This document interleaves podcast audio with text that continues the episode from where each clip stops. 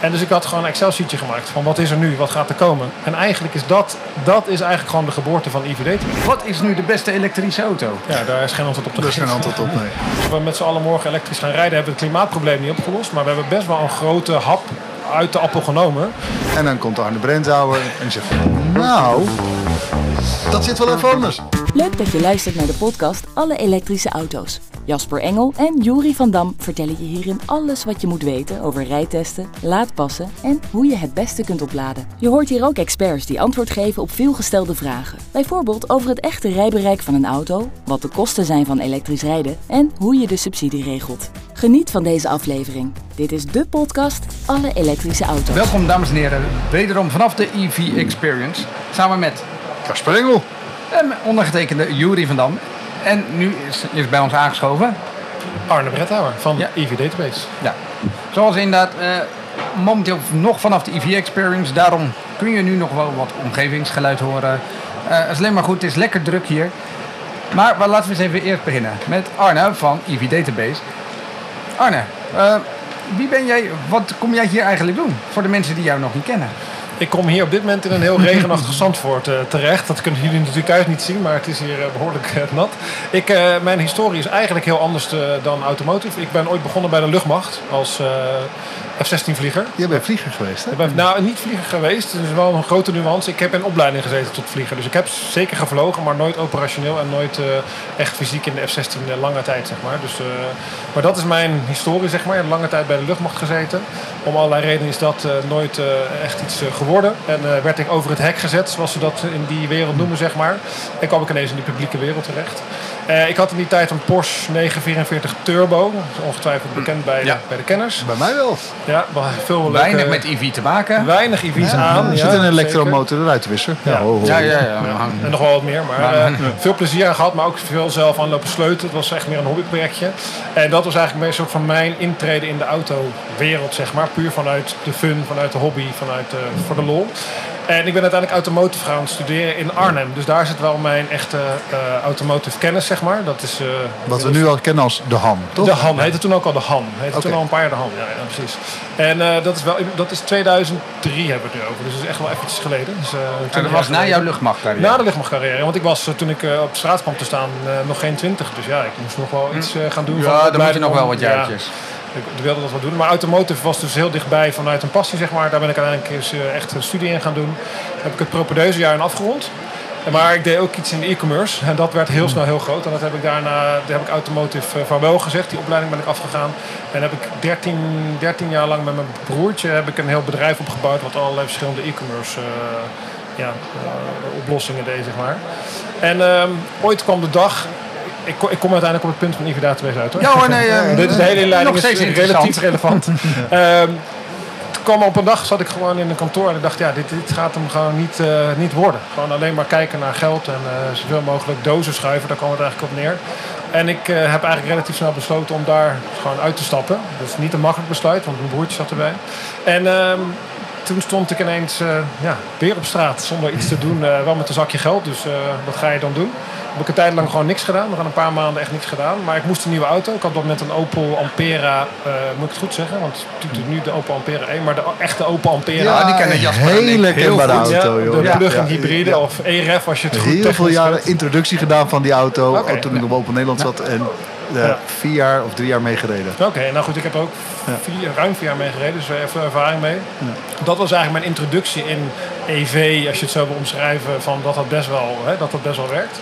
En toen zat ik dus gewoon thuis, moest een nieuwe auto hebben. En toen, dat was 2014, 15 of zo, dus Tesla Model S was er net. Nissan Leaf was er. Ja, En it. Zoe stond net misschien op de, op de Fluence, lijst. Misschien. die, eh, Fluence, ja, maar goed, dat was niet, toen Nee. nog niet echt een serieuze optie. Maar goed, Geen volumemodel in Nee, nee. Dus qua serieuze opties was er weinig. Maar er kwam wel van alles aan. Weet je, het was duidelijk dat de industrie aan het rommelen was.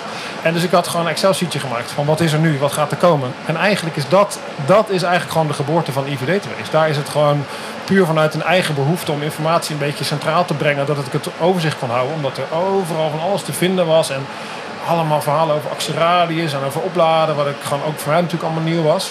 Ja, zo is het eigenlijk helemaal begonnen. Gewoon een Excel-sheetje zetten van een paar kenmerken die voor mezelf handig waren om te kijken van kan ik iets met zo'n auto. En dat is uitgegroeid tot, tot IVD-database En dat ging je publiceren dan? Maar, maar waarom ging je dat publiceren? Nou, Wat, wat, wat was jouw reden om, om die data, om die eh, ja, kenbaar te maken? Maar wat ik net zei, ik was dus een beetje klaar met zeg maar, dat, dat, dat dozen schuiven, dat e-commerce verhaal. En ik wilde iets gaan doen wat iets meer, iets meer om handen had, zeg maar, wat iets meer impact had, als je het zo zou willen omschrijven. En het is nooit echt een doelbewuste keuze geweest. Die sheet was er en dat was gewoon op een ochtend dat ik dacht, wacht eens even, ik ben daar continu toch een beetje die markt in de gaten aan het houden, of dat werkt voor mij en of ik daar wat mee kan. Er zijn vast meer mensen die dat probleem straks gaan hebben als EV's meer en meer komen. Maar maak er gewoon een websiteje van. Ik heb toch niks te doen, weet je. Ik zat thuis, wat ik net vertelde. Ja. En eh, dat heb ik gewoon zo. Oh, je dat- zat ook echt thuis. Ja, ik bedoel, ik- je, je komt als een vrij actief persoon. Maar, Ja, ik zat toen wel echt thuis. Ik deed wel dingen, maar ik was gewoon, ik had geen baan. Ik, Ja, eh, ja. En met eh, jouw e-commerce achtergrond was het redelijk gemakkelijk. Van oké, we maken er een website van. Ja, ik heb vroeger onze eerste e-commerce website zelf gebouwd. Helemaal, helemaal gewoon in elkaar geflanst, hobbymatig. En eh, ik dacht, joh, we een keer wat programmeren. 13 jaar later kijken of ik dat nog een beetje kan. Hè. Ook gewoon puur voor de fun. En dan zet ik gewoon van die sheet maak ik gewoon een website. En als er iets uitkomt, als ik daar mensen mee kan informeren en ik krijg mensen daarmee in een EV, wie weet wat je daar allemaal mee kan bereiken. Want uiteindelijk is het gewoon, nou, jullie doen dat zelf ook. Het valt en staat met goed eh, informatie kunnen vinden, dat goed gestructureerd kunnen vinden. Daar valt of staat het hele verhaal mee.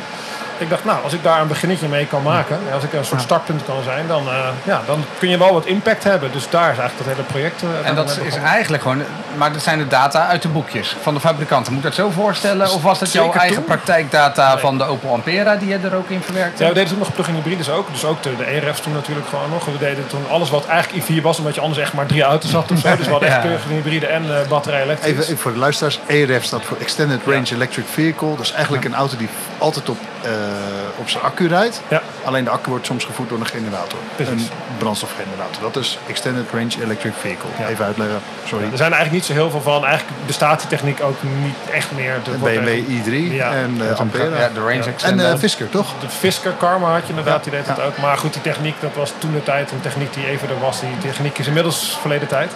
Ehm, maar er was wel een mooie gateway de EV-wereld in, zeg maar. Ook voor mij. Want met mijn automotive achtergrond, ik dacht altijd EV, zo dat gaat. Dat, dat kan gewoon niet. Want je hebt nooit genoeg energie om zo'n auto, zo'n zo'n zwaar ding over de weg heen te duwen. Daar heb je gewoon veel te veel, eh, veel te veel accu's voor nodig. Dat gaat gewoon nooit werken. Maar hoe meer ik me erin verdiepen, zeker met die Tesla Model S, hoe meer ik dacht, ja, dit, dit, dit is niet alleen automotive. Dit gaat ook echt een enorme impact kunnen hebben op energie. Gewoon de hele energietransitie en de problematiek waar we met z'n allen voor staan.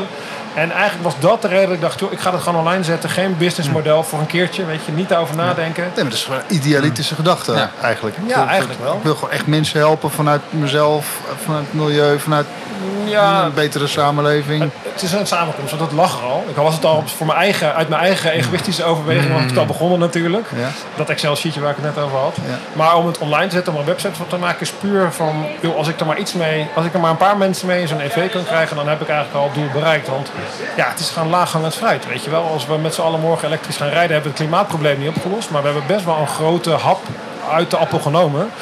Zonder dat het al te veel moeite hoeft te kosten. Al een beetje zelf. Ja, en het is best wel een groot beetje. Ik bedoel, het is niet alleen auto's, het zijn ook bestelwagens. Het worden straks ook andere soorten mobiliteit. Je gaat ook, bestelauto's staan er ook al Die hebben, we, die hebben we niet online staan voor het publiek. Nog niet. Eh heeft een reden omdat we met een nieuwe website bezig zijn. Daar komen ze wel op te staan. Maar we verzamelen die informatie al wel. Dus we hebben ze allemaal gewoon beschikbaar. En die verkopen we wel. Die data, dat hebben we nog niet gezegd. Maar die data wordt ook verkocht aan partijen door heel Europa heen eigenlijk. En die nemen die data al eh, jaren af bij ons. Dus dat hebben we zeker ook, ja. ja. En de plug-in hybride is in ieder geval, daar ben je vanaf gestapt. Nee, ook eh. niet. Ook dat doen we nog wel op de achtergrond. Want wij hebben gewoon klanten, denk aan een laadpaalfabrikant of laadpaal-operators, weet je wel. Die, die hebben, willen gewoon weten, wat rijdt er met de stekker rond. Dus dat doen we nog steeds. Maar dat doen we puur voor onze eh, betalende klanten die een abonnement bij ons hebben. Maar, eh, want je begint er zelf over inderdaad. In ieder geval betalende klant. In ieder geval iedereen kan gewoon in ieder geval van... Oké, als je een internetverbinding hebt, in ieder geval, dan kun je op ivdatabase.nl Ja. en .org. Ehm, maar inderdaad, in ieder geval, van dat is de informatie die jij gewoon gratis vrijgeeft. Maar dat is niet hetgeen waar jij van leeft. Nou ja, we leven niet echt van het publiek, want daar is natuurlijk niet echt een verdienmodel aan, anders dan wat advertenties. Want om op het verhaal, de tijdlijn terug te komen toen ik die website online zette, kwam daar misschien, nou, daar kwam eigenlijk niemand op uit, want ik maakte natuurlijk geen advertenties, niks. Dat heb ik gewoon, de Google moet dat natuurlijk indexeren, dat moet op Google komen. Mensen moeten er ook op gaan zoeken, hè. er moet vraag naar zijn in de markt. En dat heeft jarenlang, kwam daar eigenlijk bijna niemand op. We gingen over honderden mensen per maand. Op een gegeven moment werd dat een keer duizend mensen per maand. Was het al een enorme happening, zeg maar. En dan ging Champagne champagne open. of meer wel, ja, inderdaad. En dat groeide gewoon heel organisch. En natuurlijk eerst ook alleen maar in Nederland. Maar toen kwam natuurlijk die bijtelling hè, die we hadden op 0%. En er kwamen auto's op de markt, Tesla Model 3. Auto's die echt volume hadden, die een heel breed publiek aanspraken. Ja, en, toen, en toen ging het ineens door het plafond heen. Toen hadden we ineens tienduizenden bezoekers per maand. En eh, ja, nu zijn we in Europa actief. We hebben er anderhalf miljoen per maand. Dus het is echt een enorm project geworden waar we echt heel Europa mee bedienen. Zeg maar, met Maar anderhalf je in ieder geval niet met de, de .nl, maar de .org. De Europe ja, eigenlijk wereldwijd. Maar wij focussen ons echt op Europese modellen op dit moment. Ja. Want je hebt natuurlijk een dedicated NL-platform. Maar heb je dan ook een dedicated ehm, ES, Spanje, .fr, Frankrijk? Of dat? Spanje en Frankrijk nog niet. Komt er wel ja. aan, maar wel de UK. Daar zijn we daarna heen gegaan, zeg maar. Ik ben zelf ook in Londen gaan wonen een tijdje. En daar heb ik de Britse versie opgezet. Eh, en we hebben ook een Duitse versie. Die wordt overigens bij mij beter gevonden dan de Nederlandse versie. Ja, het hangt van je Google-instelling af waarschijnlijk. Want dat ding indexeert en die kijkt gewoon wat is de beste match. Ja, we hebben, en we hebben, en we hebben natuurlijk de Europese overview. Die eigenlijk weer die landen samenvoegt tot één ding. Dus we hebben eigenlijk nu op dit moment vier ingangen tot de data. Oké, dus als je, eh, voor de luisteraars, als je op een Engelse website komt, dan ligt dat dus aan je Google. Er is een Nederlandse versie beschikbaar. Ja. Als je daar staat, staat al je, alles, alle data staat gewoon Wat in het Jury zei, ev-database.nl kom je gewoon op de Nederlandse versie uit. Alles in het Nederlands, ook met specifieke data van Nederland. Dus de prijzen Oh, in Nederland. ja. Want dat doen we. Hè. We doen per land echte specifieke lokale data. Dus de lokale prijzen, maar ook lokale subsidies, lokale levertijden. Dat dingen zijn echt allemaal lokaal gedaan. Dat was ook het idee om echt, echt goede informatie te geven. En dat kun je niet op Europees niveau doen. Want de auto's zijn wel hetzelfde, grotendeels. Maar per land zijn er echt best wel veel eh, ja, verschillen die je echt wel in kaart moet brengen. En zie je veel verschillen in prijzen tussen elektrische auto's? Van, eh, tussen de landen onderling? Ja, ja best Vroeger had je dat natuurlijk heel veel, hè, met BPM-prijsverschil. Ja, dat heb je natuurlijk niet op elektrische Je hebt nu auto's. BTW, maar de drie landen die Ja. wij nu doen zijn eh, Duitsland 19, Nederland 21 en de UK 20. Dus dat ligt heel dicht bij elkaar qua BTW. Dus dat, dat komt aardig in de buurt. Maar een grote factor is subsidie. Hè? Aankoopsubsidie. Alle landen hebben een vorm van aankoopsubsidie nu of gehad, zeg maar. In allerlei verschillende vormen. En daar zie je veel veranderingen mee. Merken die, die spelen daarmee. Want die weten, de overheid subsidieert een deel. Dus wij gaan een deel van die subsidie in onze prijs verrekenen, als het ware. Dus ze gaan dan, wacht even, dus ze gaan omhoog in Ja, prijs. dat doen ze dan soms. Ja, want ze weten, ja, ze weten gewoon, eh, er gaat straks 5000 euro vanaf. Dus wij hebben iets marge om iets in die prijs omhoog te kunnen gaan. En dat, is, dat kan niet onbeperkt, want andere merken doen dat wat minder. Dus daar zit nog steeds een dynamiek van vraag en aanbod in. Maar daar zie je wel wat verschillen. Dus inderdaad nu van een Franse Renault Zoe, die kan meer kosten als daar de subsidie hoger is. Eh, Eh, Oké, daar wordt meer subsidie gegeven. Ja, dus, nou, is daar iets duurder dan in Nederland. Zeker. Je kan het zo zien als je op de Europese versie van onze site kijkt, zie je de prijs van de landen onder elkaar. Ah. En dan zie je best wel hele gekke verschillen per model en merktype. Kan natuurlijk ook met lokale condities te maken hebben, hè, met Kan vraag. En, eh, Uitrusting, et cetera. Precies, precies, Ehm, precies. Ik weet inderdaad van smart sites inderdaad. Ja, wij hebben gewoon één model, één uitrustingsniveau, één centrale voorraadkamer eigenlijk waar alle Europese landen uit kunnen putten. Dus ja, wij hebben geen verschillen in uitrusting. Kijk, en dat zijn natuurlijk die nieuwe merken, hè, zoals Tesla, Smart, alle Chinese merken die op de markt komen. Die doen het allemaal best wel anders. Maar we hebben ook nog een hele legacy of een hele historische industrie van merken die misschien al 100 jaar bestaan. Die zijn gewoon gewend om dingen op een bepaalde manier te doen. En daar kom je niet zomaar vanaf. Je hebt nou eenmaal een importeur in een bepaald land. Je hebt dealers waar je mee moet werken. En die werken vaak op een hele andere manier. En daar zie je nog wel grote verschillen per land. Ook met wat er aan standaard opties op de auto zitten bijvoorbeeld. Je kan een andere lader hebben bijvoorbeeld. Dat je in, in Duitsland een 11 kilowatt lader standaard in de optiepakket hebt. En dat het in Nederland een bijbetaalde optie is. Dat kan heel goed gebeuren. Ja, dat hebben we bijvoorbeeld bij Peugeot staat dat Ja, geval. dus Stellantis hebben- heeft... eh ja, Ja, moederbedrijf 11 van kilowatt hebben ze standaard in Nederland. Ja. En in Frankrijk is dat heel vaak die 7.4. Maar het heeft ook natuurlijk met het netwerk in Frankrijk te maken. Ja, Dus dat is ook, wij kregen in het begin de eerste E208'jes, die kregen we ook in ieder geval met een eenfaselader geleverd. In ieder geval van, omdat ze vanuit het Franse netwerk gedachten en daar werd er maar één fase op die auto eh, gemonteerd. Ja, en vooral de UK. Hè, is- de UK is echt een eenfase. De Gro- Verenigd Koninkrijk is echt een eenfase land, zeg maar. Alle, eigenlijk alle openbare paden zijn ook vaak één fase. Wat we in Nederland totaal niet gewend zijn. Wij zijn, wij zijn hier drie fasen drie gewend. ja. drie, meestal drie fasen 11 of 22. Ja, vaak elf. 11 is... El- eh, 11 het meeste. En in, in, in het Verenigd Koninkrijk is 7 heel normaal. Zij noemen het 7, het is eigenlijk 7,4, maar 7 wordt, zo wordt het in de volksmond daar genoemd. Eén fase laden is daar heel normaal. Ook thuis. Dus heel veel auto's komen daar standaard met één fase. Maar dat is vaak alleen maar van de legacy, wat ik net zei, de historische automerken. Alle nieuwe toetrijders hebben eigenlijk altijd maar één één standaard uitrusting, precies wat jij net zei, Jury. Dan kun je uit één centrale voorraad putten. En dan maakt het niks uit of je die auto naar Duitsland stuurt of naar Spanje of naar Frankrijk. Daar kun je gewoon heel flexibel in zijn. En dan kun je gewoon in ieder geval in Zuid-Europese landen krijg je gewoon standaard stoelverwarming terwijl je dat nooit nodig Nee, hebt. En, eh, maar ja, dat. Stoelverwarming in Spanje inderdaad. In Saudi-Arabië, Ja, weet je. ja. Maar goed, uiteindelijk, als je het maar op massa doet, is, kan het nog steeds veel goedkoper zijn om flexibel te zijn in je voorraad. Omdat je voor ieder land een aparte trimlevels gaat zitten maken. Dat kan nog steeds veel voordeliger zijn. Ja, nee, absoluut. Met het Maar- E- ja, ja, sorry. nee hoor. Ja, ja. En met het EVA-boek gebruiken we eh, veel, veel data ook. Hè. Dat vermelden we ook van, van jouw bron evdata.org. Wat mij altijd zo opvalt is ook die eh, praktijkdata. Hè, want de fabrikant die zegt natuurlijk heel stoer... onze auto verbruikt 15 kilowattuur op 100 kilometer. Ja. En dan komt Arne Brentouwer en die zegt... van, nou, dat zit wel even anders. Want we hebben zomer, winter, stad, Ja. eh, snelweg. Ja, uiteraard. En gecombineerd. En gecombineerd heb je ook nog eens een keer. En, en Ja. nou, we willen straks nog even weten wat er nog veel meer... Er is echt onwijs wat te vinden op jouw uh, Ja, we zijn pas net begonnen, hè. er komt nog veel meer leuks aan. Dus, eh, Oké. Maar hoe, hoe, hoe kom jij aan die, eh, aan die praktijkdata? Want heb je echt met alle auto's gereden? Ook? Nee, helemaal niet. Nee. Ik zal even, er zit een stukje historie aan vooraf, wat even belangrijk is voor context, zeg maar. Om weer Ja. terug te gaan naar onze tijdlijn van net. Ehm, Toen we die website lanceerden, in Nederland dus, was het toen alleen Nederland. Zelfs toen we nog maar een paar duizend bezoekers per maand hadden op een gegeven moment. Kregen we al heel snel e-mailtjes van mensen die zeiden, ja, wat jullie op die website zetten, dat is echt gewoon larikoek. Er stond bijvoorbeeld een Nissan Leaf op met eh, hè, de oude Nissan Leaf met een kleine batterij, 24 kilowattuur. Oh, Ja, die ja, echte dus Die had, eerste, die ja. had een range van, uit mijn hoofd, volgens mij 300 plus, 350, want je had toen nog Want geen. Nee, en je had ja. NEDC, voor de mensen thuis die dat nog niet weten. Je hebt een, er, was, er is een oude manier van meten, die was veel te rooskleurig. De huidige is nog steeds best wel rooskleurig, maar die van vroeger, die was extreem rooskleurig. Dat had niks te maken met enige vorm van realiteit.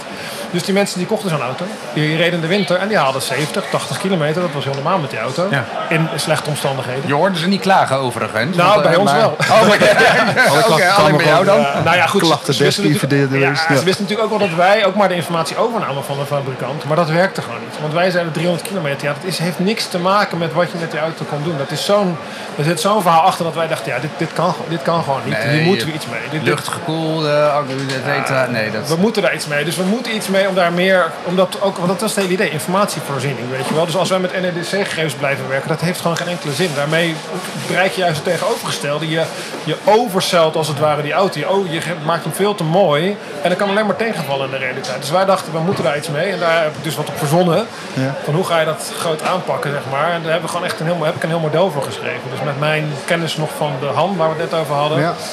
Kun je echt modelleren hoe je hè, performance eh, kan- berekenen van de auto. Ja, dat heb ik gewoon, hebben we helemaal gemodelleerd. eh, en heel wat jaartjes aan lopen sleutelen. Dus nu kunnen we eigenlijk zelfs zonder dat we de auto ooit gezien of aangeraakt of überhaupt in gereden hebben. Als wij bepaalde variabelen hebben die we van de fabrikant kunnen krijgen of op een andere manier krijgen.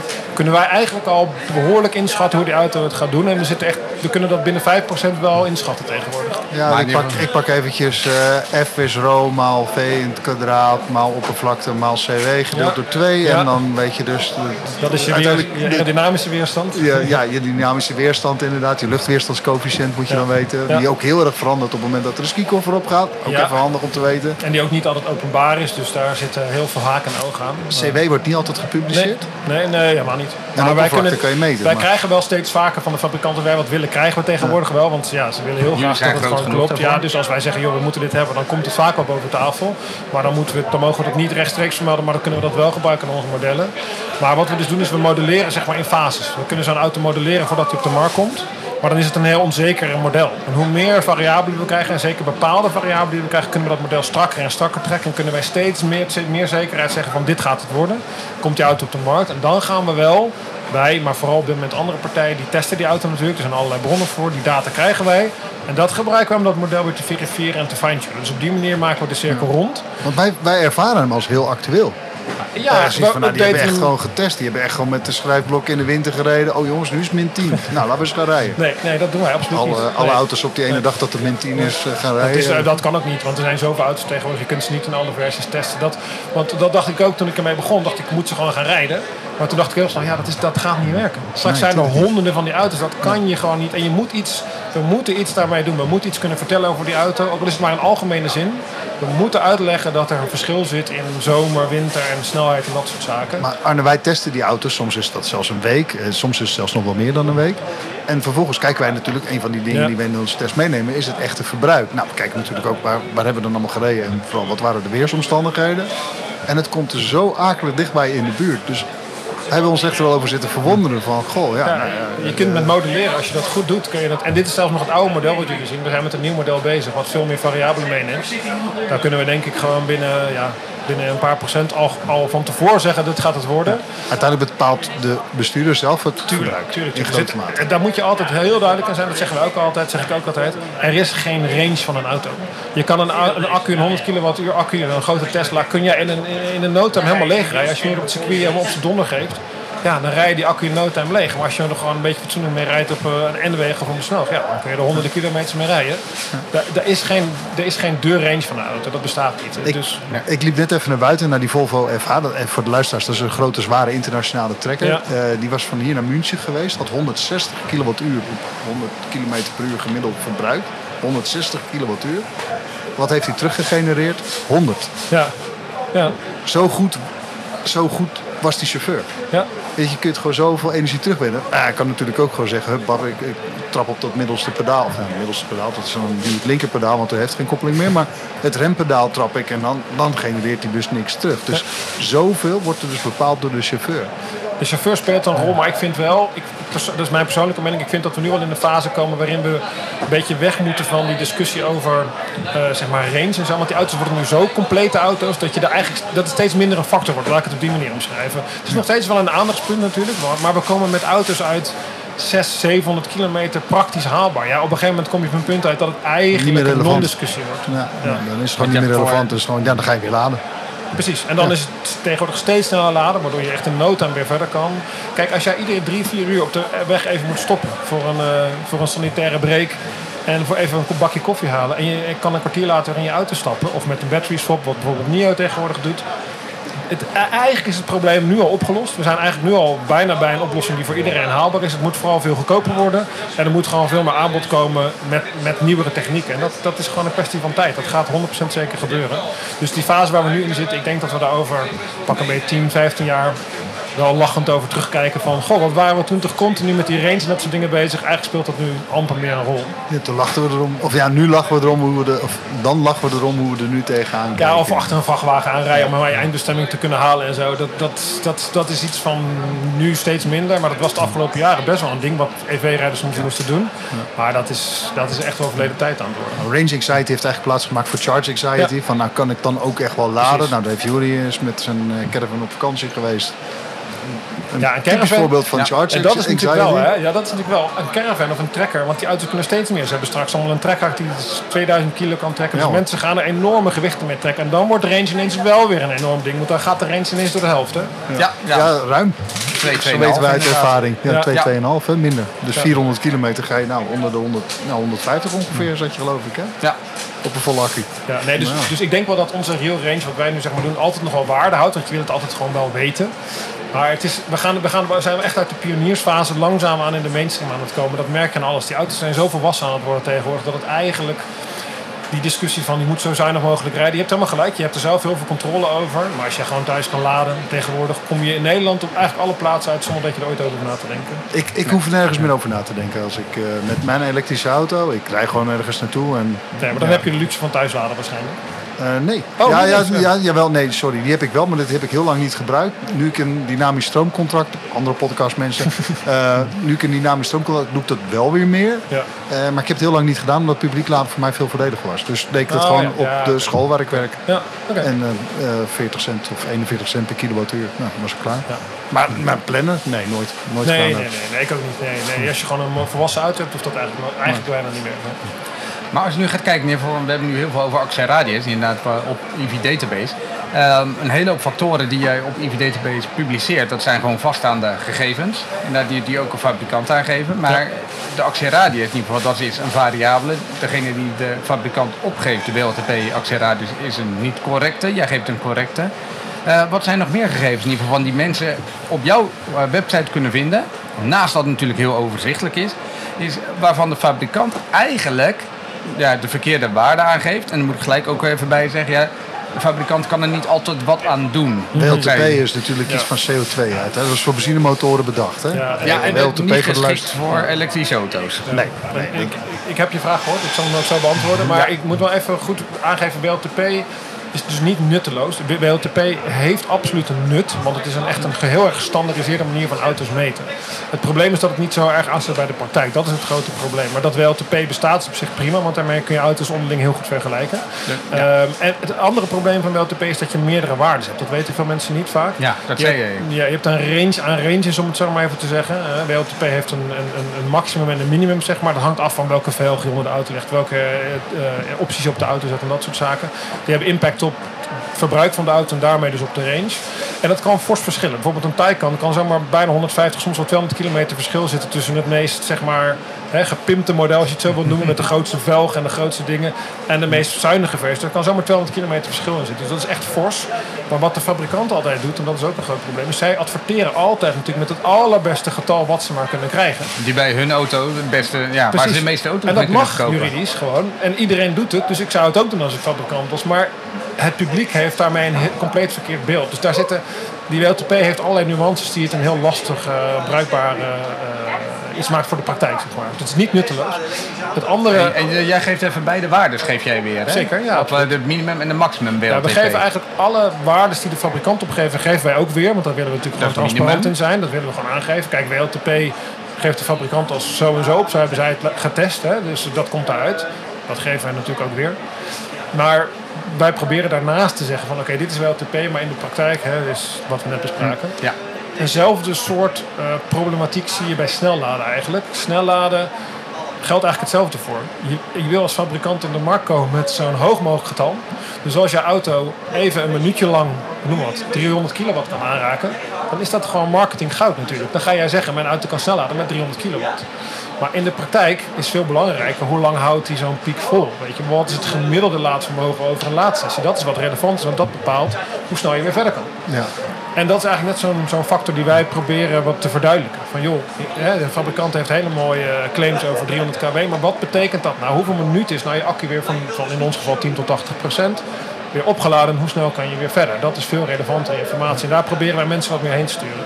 Ja, mijn Ford bijvoorbeeld, die, heeft, die kan, de fabrikant zegt 150 kilowatt DC. Dat kan niet tussen de 7 en de 9 procent eh, SOC. Ja, daarom staat op onze website ook belabberd, omdat wij meten vanaf 10 procent. Ja.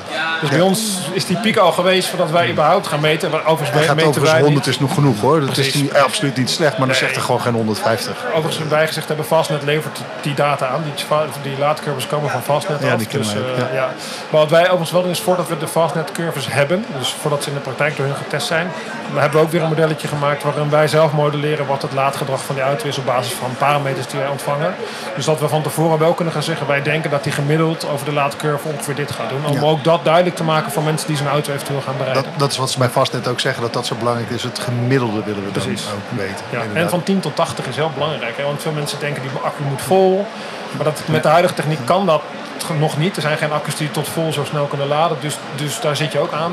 En wij proberen dat in de database zo, zo duidelijk mogelijk te maken. Maar ja, dat is best wel lastig om dat op zo'n website met behoorlijk statische informatie Ja. ja, goed tastbaar te maken. Nou, maar ik, ik, leer, eh, ik leer deelnemers en eh, studenten ook dat we rekening moeten houden bijvoorbeeld met 15% verlies van AC naar DC, of eh, ja, AC naar DC, de omvormer.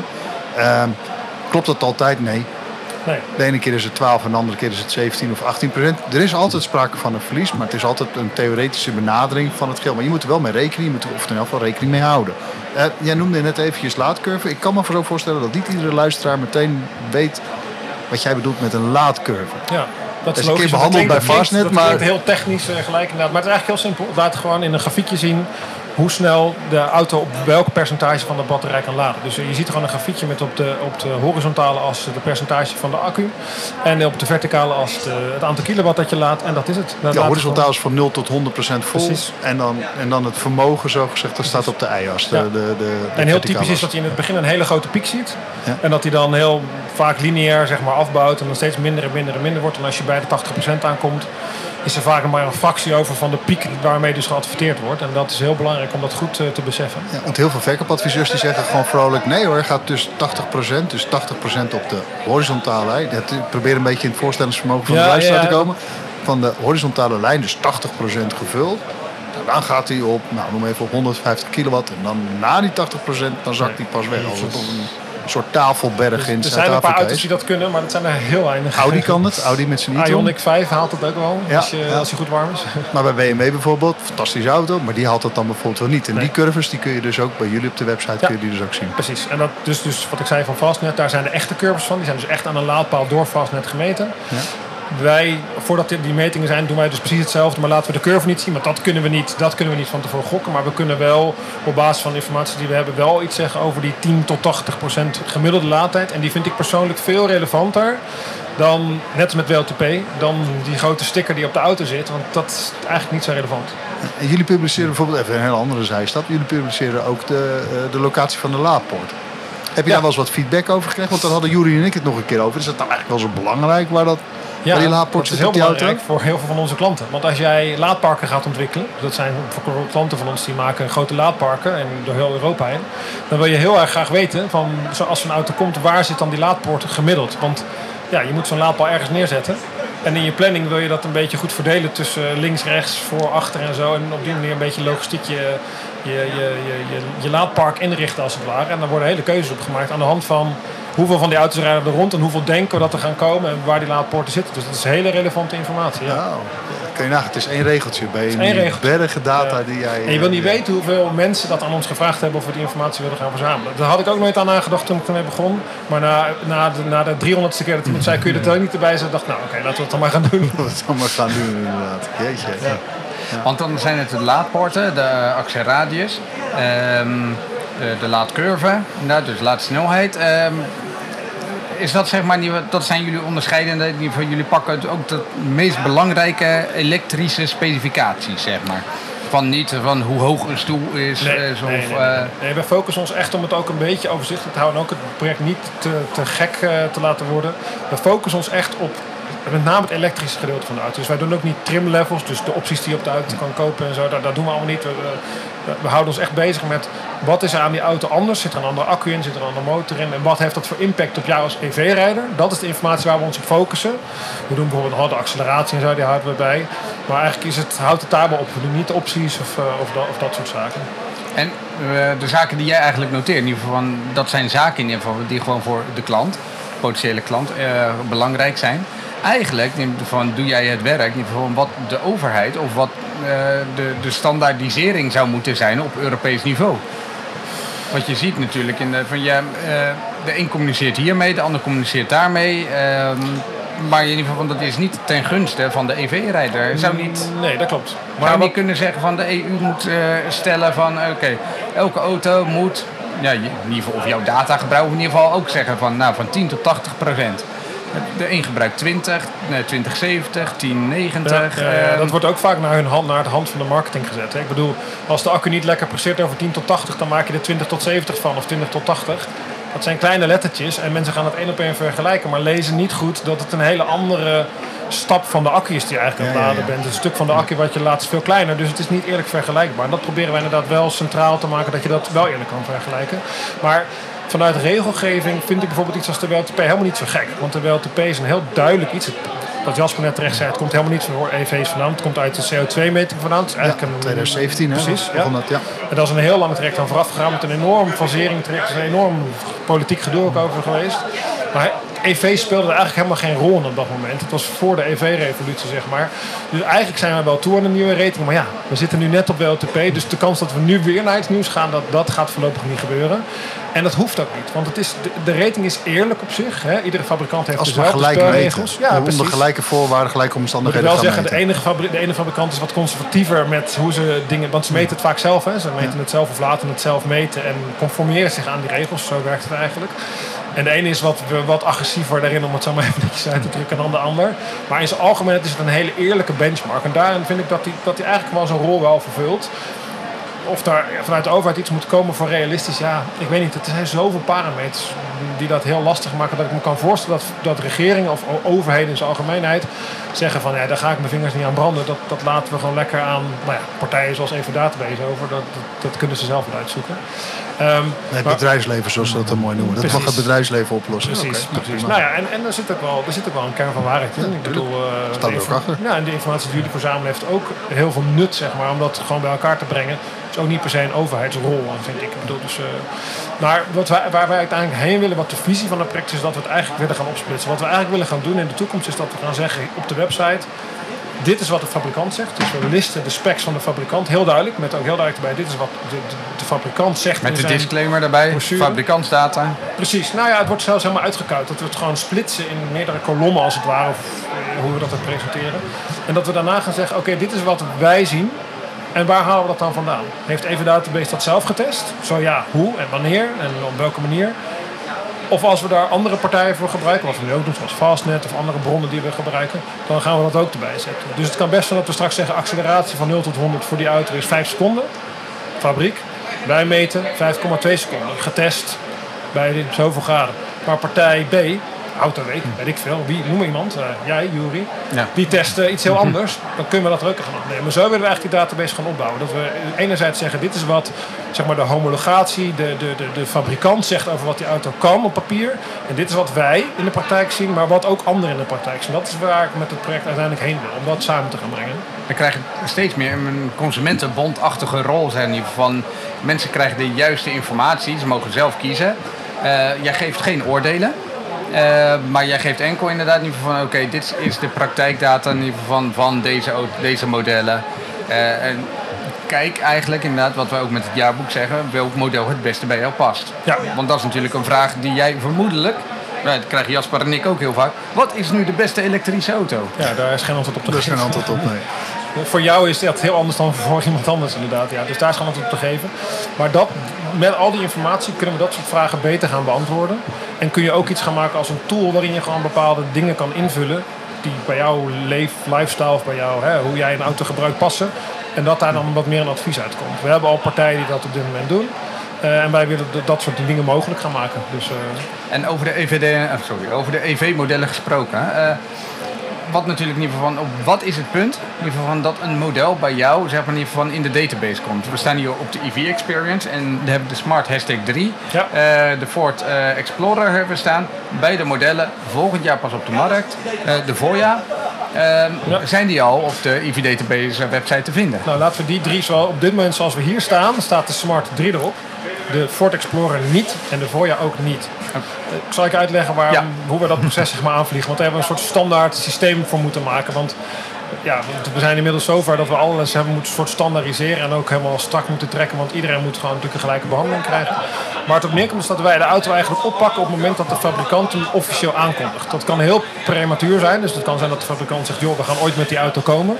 Maar dan moeten er wel minimale specs wel beschikbaar zijn. Want wij kunnen niet alles gaan verzinnen. Weet je, we kunnen niet gewoon compleet uit de losse pols iets gaan verzinnen als een fabrikant helemaal niks zegt en alleen een fotootje laat zien. Daar, daar kunnen wij gewoon helemaal niks mee. Dus we hebben een bepaalde minimale hoeveelheid data nodig in die soort premature fase om de voertuig een soort eerste listing te kunnen geven. Dan, dat noemen wij status 3. Ja, dat is voor ons intern. Maar dat is de derde. dat noemen we- de- zo komt hij binnen als het ware. Zo voegen we hem toe. Typisch is bijvoorbeeld als die in München op de, zoals zo'n Smart 3 eh, daar ge- geïntroduceerd wordt. Dan zetten we hem zo in de database. Dan komt hij op een gegeven moment een stapje verder. Hè, vaak. Dan gaat hij naar bijvoorbeeld een pre-order fase toe. Dan komt er meer bekend over de auto. Dan komt vaak alle specificaties komen op de markt. Dan gaat hij bij ons naar fase 2 toe. Dan voegen we alle specificaties van de OEM toe. Dus van de fabrikant eh, toe.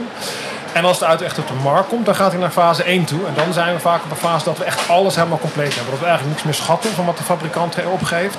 En dan gaan we naar de fase waarin wij de, de real range en dat soort dingen gaan fine-tunen op basis van echte testen. Dus eigenlijk is het een heel soort standaard protocol waar we doorheen lopen per auto. En dat moet gewoon aan een bepaalde voorwaarden voldoen en dan komt hij erop. Ah, oké. Want dat zijn dan alleen de auto's die, wel, die in Europa geleverd worden. Ja. Eh, want nou ja, vorig jaar stond hier ook eh, op TV Experience de Ford F-150 Lightning. Ja, Ehm, ik ken waarvan- degene die hem had meegenomen, maar eh, Ja, ik wil niet zeggen. Ja. Ja, ook naast die auto. Hij reed heel leuk, moet ik zeggen. Nou ja, was wel heel gaaf om hem een keer te zien. Maar ja, goed, de F-150 is in Nederland niet te krijgen. Althans, Kijk, ook daar- Amerikaanse specs. Precies, eh, Amerikaanse laad. dus Maar type 1 je hebt grijze import natuurlijk van zo'n auto. Maar wat wij doen om het ook gestructureerd te houden. Dus wij kijken gewoon, de auto moet voldoen aan de criterium dat die gehomologeerd is in Europa. Conform de, de Europese homologatie. Dus een moeilijk woord voor een set voorwaarden waaraan de auto moet voldoen. Qua veiligheid en qua andere eisen waar die aan moet voldoen. En dat is voor ons de basis. Wij, kijken, wij voegen alleen maar auto's toe die echt een Europese homologatie hebben. En wij leggen die, die, ken, die, die eh, keuring dingen ook allemaal vast. Dus alle Het eh, keuringsnummer. ja, de type goedkeuringsnummers leggen we allemaal vast en dat soort dingen. Die hebben we ook in onze database zitten. Dus wij kunnen van iedere auto precies zeggen welke auto dat in het echt is. Hierachter staat nu een Volvo eh, C40. Als jij hier je kentekenpapier pakt, kan ik jou precies eh, laten zien welke auto het in onze database is. Zo is onze database gestructureerd. Ehm, en dat betekent dus dat een F-150 er niet op staat. Maar bijvoorbeeld de Ford Explorer, om erop terug te komen, die staat hier nu tegenover. Daar is eigenlijk nog niks van bekend. Officieel weten we niks. We weten dat hij Nee, op ja. een bepaald onderstel staat, wat heel breed in de markt ge- gedaan wordt.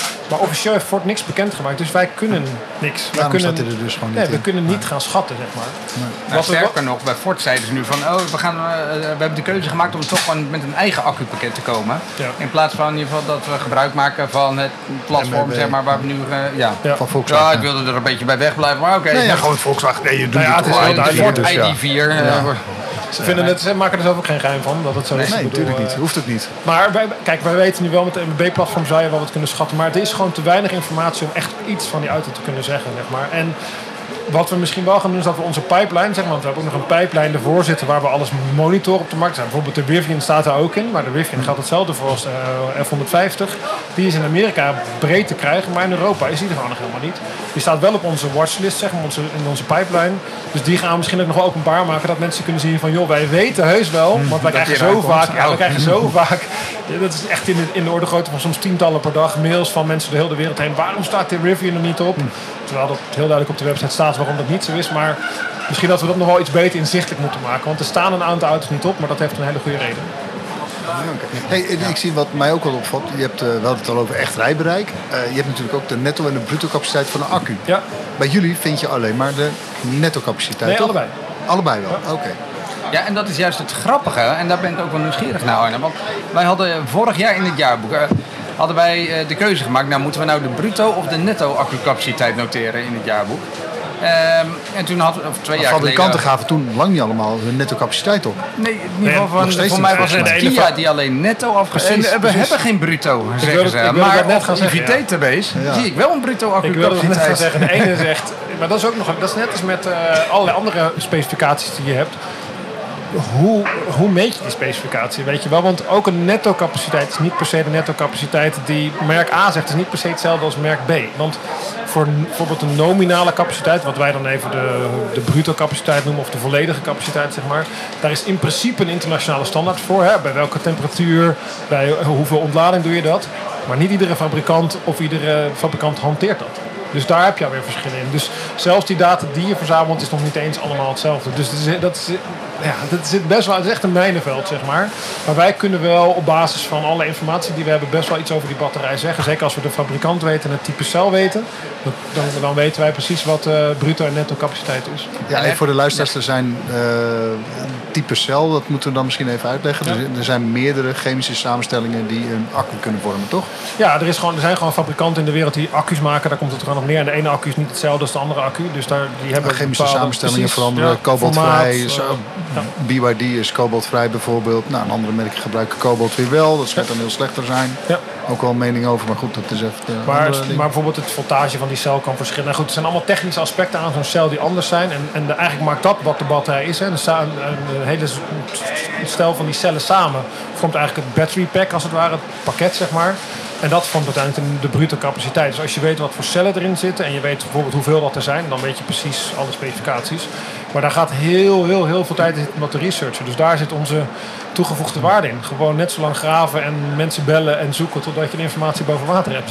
En mensen kunnen het ja. gewoon allemaal vinden. Gewoon. Als je Gratis. hoeft alleen maar, ja, kosteloos, gratis inderdaad, kunnen ze het zo... eh, kunnen ze dat het blijft ook wel even voor de mensen uitleggen. In ieder geval, wij hebben natuurlijk, en voor ons is het heel normaal, bruto en netto accupaciteit. Eh, voor de mensen in ieder geval, de netto accupaciteit is de daadwerkelijke bruikbare accupaciteit die ook de actieradius van de auto bepaalt. Ja. Dat is het gedeelte wat je op kunt laden Ja. en wat ontladen wordt ook. Ja. Eh, dat, die reservemarge, zeg maar, het verschil tussen bruto en netto, die wordt expres niet gebruikt om ehm, in ieder geval van de accu te beschermen. Klopt. Maar je ziet ook nog wel eens in ieder geval van dat fabrikanten halverwege, in ieder geval dat ze in het begin zeg maar, een hele grote marge die we tussen bruto en netto aanhouden. In ieder geval hadden het eh, net nog over gehad met eh, elektrische eh, wat is het? Volvo truck. Volvo Ja, truck heel inderdaad. Ruim 100 kilowattuur die ze gebruiken. En dan zou het heel goed kunnen zijn dat ze na een paar jaar zeggen... Hé, hey, wacht, wij, wij maken die marge maken wij een stuk kleiner, want wij hebben dat niet nodig. Nee. En dan update jij weer je website. Ja, kijk, dat heb je natuurlijk heel veel van die fabrikanten, zeker die nieuw op die markt kwamen, zeg maar weer die traditionele fabrikanten, die waren heel terughoudend met zo'n accu. Want ze weten niet precies waar ze aan beginnen. Er zit natuurlijk garantie op zo'n accu, vaak jarenlang. Soms zitten we acht of tien jaar Ja, garantie ding op. is Eh, loeiduur. ding is, als die accu kapot is, dan kun je de auto is eigenlijk gewoon totaal los. Daar komt Ja, het eh, ja. vaak wel op neer. Ja. Eh, dus die fabrikanten waren heel erg terughoudend. En dat is wat jij net zei, Joris. Maar hadden enorme buffers. Noem je dat dan? Het verschil tussen die eh, bruto en netto capaciteit. Die, die rekte heel erg ver op. Om, omdat hoe groter je dat maakt, hoe minder die accu gebruikt, hoe minder snel die slijt. Dus het was gewoon een heel conservatieve manier van een auto op de markt brengen. En inderdaad, met software updates maken ze die buffers soms wat kleiner. Waardoor je wat meer kan rijden. Maar moet- dan heb je op papier een grotere actieradius. Ja. Dus dat is wel weer fijn. Dan kunnen ze in de brochures, zeg maar, marketingtechnisch wat meer communiceren. Ja, precies. Dat klopt. En dat, dat is op zich ook een goed recht, want die auto kan dan ook steeds verder rijden. Maar het probleem is wel vanuit ons oogpunt, hoe vat je dat in gestructureerde data? Want als je een software update krijgt, niet iedereen voert die software update per se uit. Dus hoe ga, hoe ga je om daarmee? Dus daar zijn we ook bezig op een nieuw platform dat we er per auto de softwareversies bij gaan houden en bij gaan houden wat er per software gaat Oh. veranderen. Dus ja, je ontkomt er niet aan, want elektrische auto's zijn nou eenmaal echt heel erg software-centrisch, zeg maar. Ze zijn heel erg draaien om software. Dus je, moet daar, je kunt niet software negeren. Dat is gewoon te belangrijk bij elektrische auto's. Ik heb af en toe met je te doen als ik in ieder geval van hoor, in ieder geval van hoe het ontwikkeld wordt. niet- Maar ook de plannen die je hebt, zeg maar.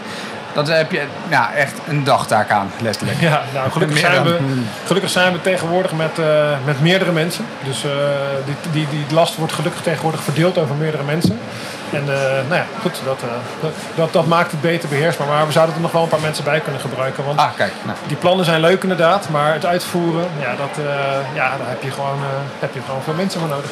Ja, en natuurlijk, jij verzamelt heel veel data die niet door elke fabrikant verplicht is, in ieder geval om te verzamelen. Dus A, je moet het ook snappen wat Ja, je verzamelt. Zeker. En B, inderdaad, je moet ook gewoon contact opnemen inderdaad, met die fabrikant. Wat je zegt van, hé, hey, je geeft die CW-waarde niet, maar ja, die hebben wij wel nodig. We zullen het niet publiceren, maar daarmee halen we wel data die wij wel mogen eh, publiceren. Ja, precies. Nou ja, goed. We hebben dus nu sinds een maand of twee iemand erbij die, dus, die dat precies weet allemaal. Dat is uh, Miguel. Ik ben super tevreden dat hij erbij is, want we hebben super lang gezocht naar iemand die, Ja. eh, die we daarvoor konden Speld vinden. in Ooisberg. Ja, dat weet Ja. Jury ook, want ik heb met Jury daar best wel vaak over gehad. Ja, ja, sorry, ik had eh, andere eh, dingen Maar te doen. uiteindelijk hebben we hem gevonden en eh, daar ben ik super blij mee. Dus eh, ja, en dat is, want je, je kan niet iets uit een brochure overtypen. Dat is nou juist het hele probleem. Die brochure, dat, is, dat kun je wel overtypen, maar je moet precies weten wat je leest. En wat jij ook zegt, als je met iemand spreekt van een fabrikant, moet je echt weten waar je het over hebt. Want je moet wel de juiste vragen kunnen stellen. En ook kunnen begrijpen of het antwoord wat ze geven, of dat überhaupt klopt. Want dat gebeurt ook nog best wel vaak. De antwoorden die je krijgt kloppen lang niet altijd. Want je eerste ingang is vaak de PR-manager. Eh, Oké, niks ten nadelen van de PR-manager in ieder geval. Maar het zijn super technische vragen die jullie kunnen stellen. Waarbij Ja, een PR-manager nodig. zegt Technische data. Ja. van... Oké, ik moet het even navragen bij eh, die en die partij. Ja, gelukkig merken we wel dat we steeds vaker gewoon gelijk doorgezet worden naar echt de mensen die de auto's maken. Dus wij komen snel uit bij ehm, gewoon de product owner of de product Ah, eh, ja. manager bij de fabrikant zelf. Dus degene die de auto in principe verantwoordelijk is voor het eindproduct van de auto. En dan zit je echt wel heel dicht bij de bron. Maar zelfs dan kom je nog op punten uit dat ze zeggen ja, weet ik eigenlijk niet zo goed. Of mag ik nog niet? Nou, ze, Nee, nou, zijn ze zeker die op de markt zijn, zijn ze best wel open over. want tenzij het echt een bedrijfsgeheim ze echt niet op prijs willen geven. Maar gewoon specificaties die niet per se in een boekje staan, waarvan zij denken dat kan je wel gewoon openbaar maken. Maar we hebben wel eens gehad met, eh, met laders van is die nou één of is die nou twee fasen die jullie hier uitleveren in dit land? Ja, ik ken een Duits, Duits bedrijf. is een Duits die, kwamen erachter van, Ja. oh wacht even, dat blijkt een twee-fase omvormer Nou, te goed, zijn. dat Ja. zou inderdaad kunnen zijn dat het een Duits merk was. Nou ja, de Maar- eerste eh, Mercedes EQC's die geleverd werden. EQC was er ook eentje, ja. Dit is dan toevallig een andere auto. Maar tot aan, echt, tot aan de diepste eh, bron toe van de fabrikant. Die kwam er toen achter van, oh ja, dat is waar. Die auto die wordt helemaal niet geleverd met die onboard charger in die landen. dat bleek gewoon helemaal fout te zijn. Dus eh, ja, dus zo kom je uiteindelijk ergens achter. En, eh, maar goed, we proberen zo ver mogelijk tot de bron te komen. En op een gegeven moment soms is de informatie niet of wil de fabrikant er niks over zeggen. Ja, dan moet je aannames doen en dat geven we ook heel duidelijk aan in de database. Als wij het hebben Geschat. Ja, geschat, dat geven we heel duidelijk aan. Indicatie. Ja, Ja, zo precies, precies, Oké. ja. Hey, we Ja. zijn al bijna weer een Ja, eh, want ik, 50 me- minuten ik wou het net zeggen. in Dat van wij als eh elektro-nerds, maar mag ik ons even bestempelen? Nou, wij kunnen hier heel lang in doorgaan. Ja, vooral als we Arne het woord geven. In ieder geval van zoveel interessante informatie die die ons kan brengen. Maar voor nu is het meer dan genoeg. We hebben heel veel informatie gekregen inderdaad. We hebben ook wel weer wat eh, dingetjes bijgeleerd. Dus daar ben ik hartstikke blij mee. Ja, top. En- Dank voor de uitnodiging. Heel leuk om Ja. een keer te doen. en wij, jij bedankt dat wij jouw data mogen publiceren, publiceren in ons EVA-boek. Zodat iedereen die geïnteresseerd is in een elektrische auto... Nou, ze kunnen hier rijden met een elektrische auto. En er is zoveel wat ze kunnen opzoeken. Ja. Gewoon, we, we doen er echt ons best voor. Nou, met alle liefde. Want het is belangrijk dat die informatie zo gewoon zoveel mogelijk beschikbaar is. Eh, Dan kan iedereen zijn eigen keuze daarin maken. Dus eh Nog- En nogmaals, de website voor de laatste ja. luisteraar. ev-database.nl. Als je Dan op kom je op de Nederlandse website. Nederlandse Nee, versie- Heel ja. goed. En dan wil ik inderdaad nog even aanvullen met het EV-jaarboek. eh, zeg maar ons hardcopy EV-jaarboek. Dan hebben wij gewoon bij eh, alle auto's die wij hebben, hebben wij gewoon aan de ene kant, net als op EV Database, in ieder geval de fabrikantsdata staan. En aan de andere kant heel duidelijk de praktijkdata, inderdaad het verbruik, de actieradius en de laadcurves van Fastnet, Ja. die wij eh, ook van hen mogen gebruiken. Dus ja, daar vinden we elkaar goed. Dus eh, nee, super. Goed. Hey, dank voor je komst. Graag gedaan. Hoi.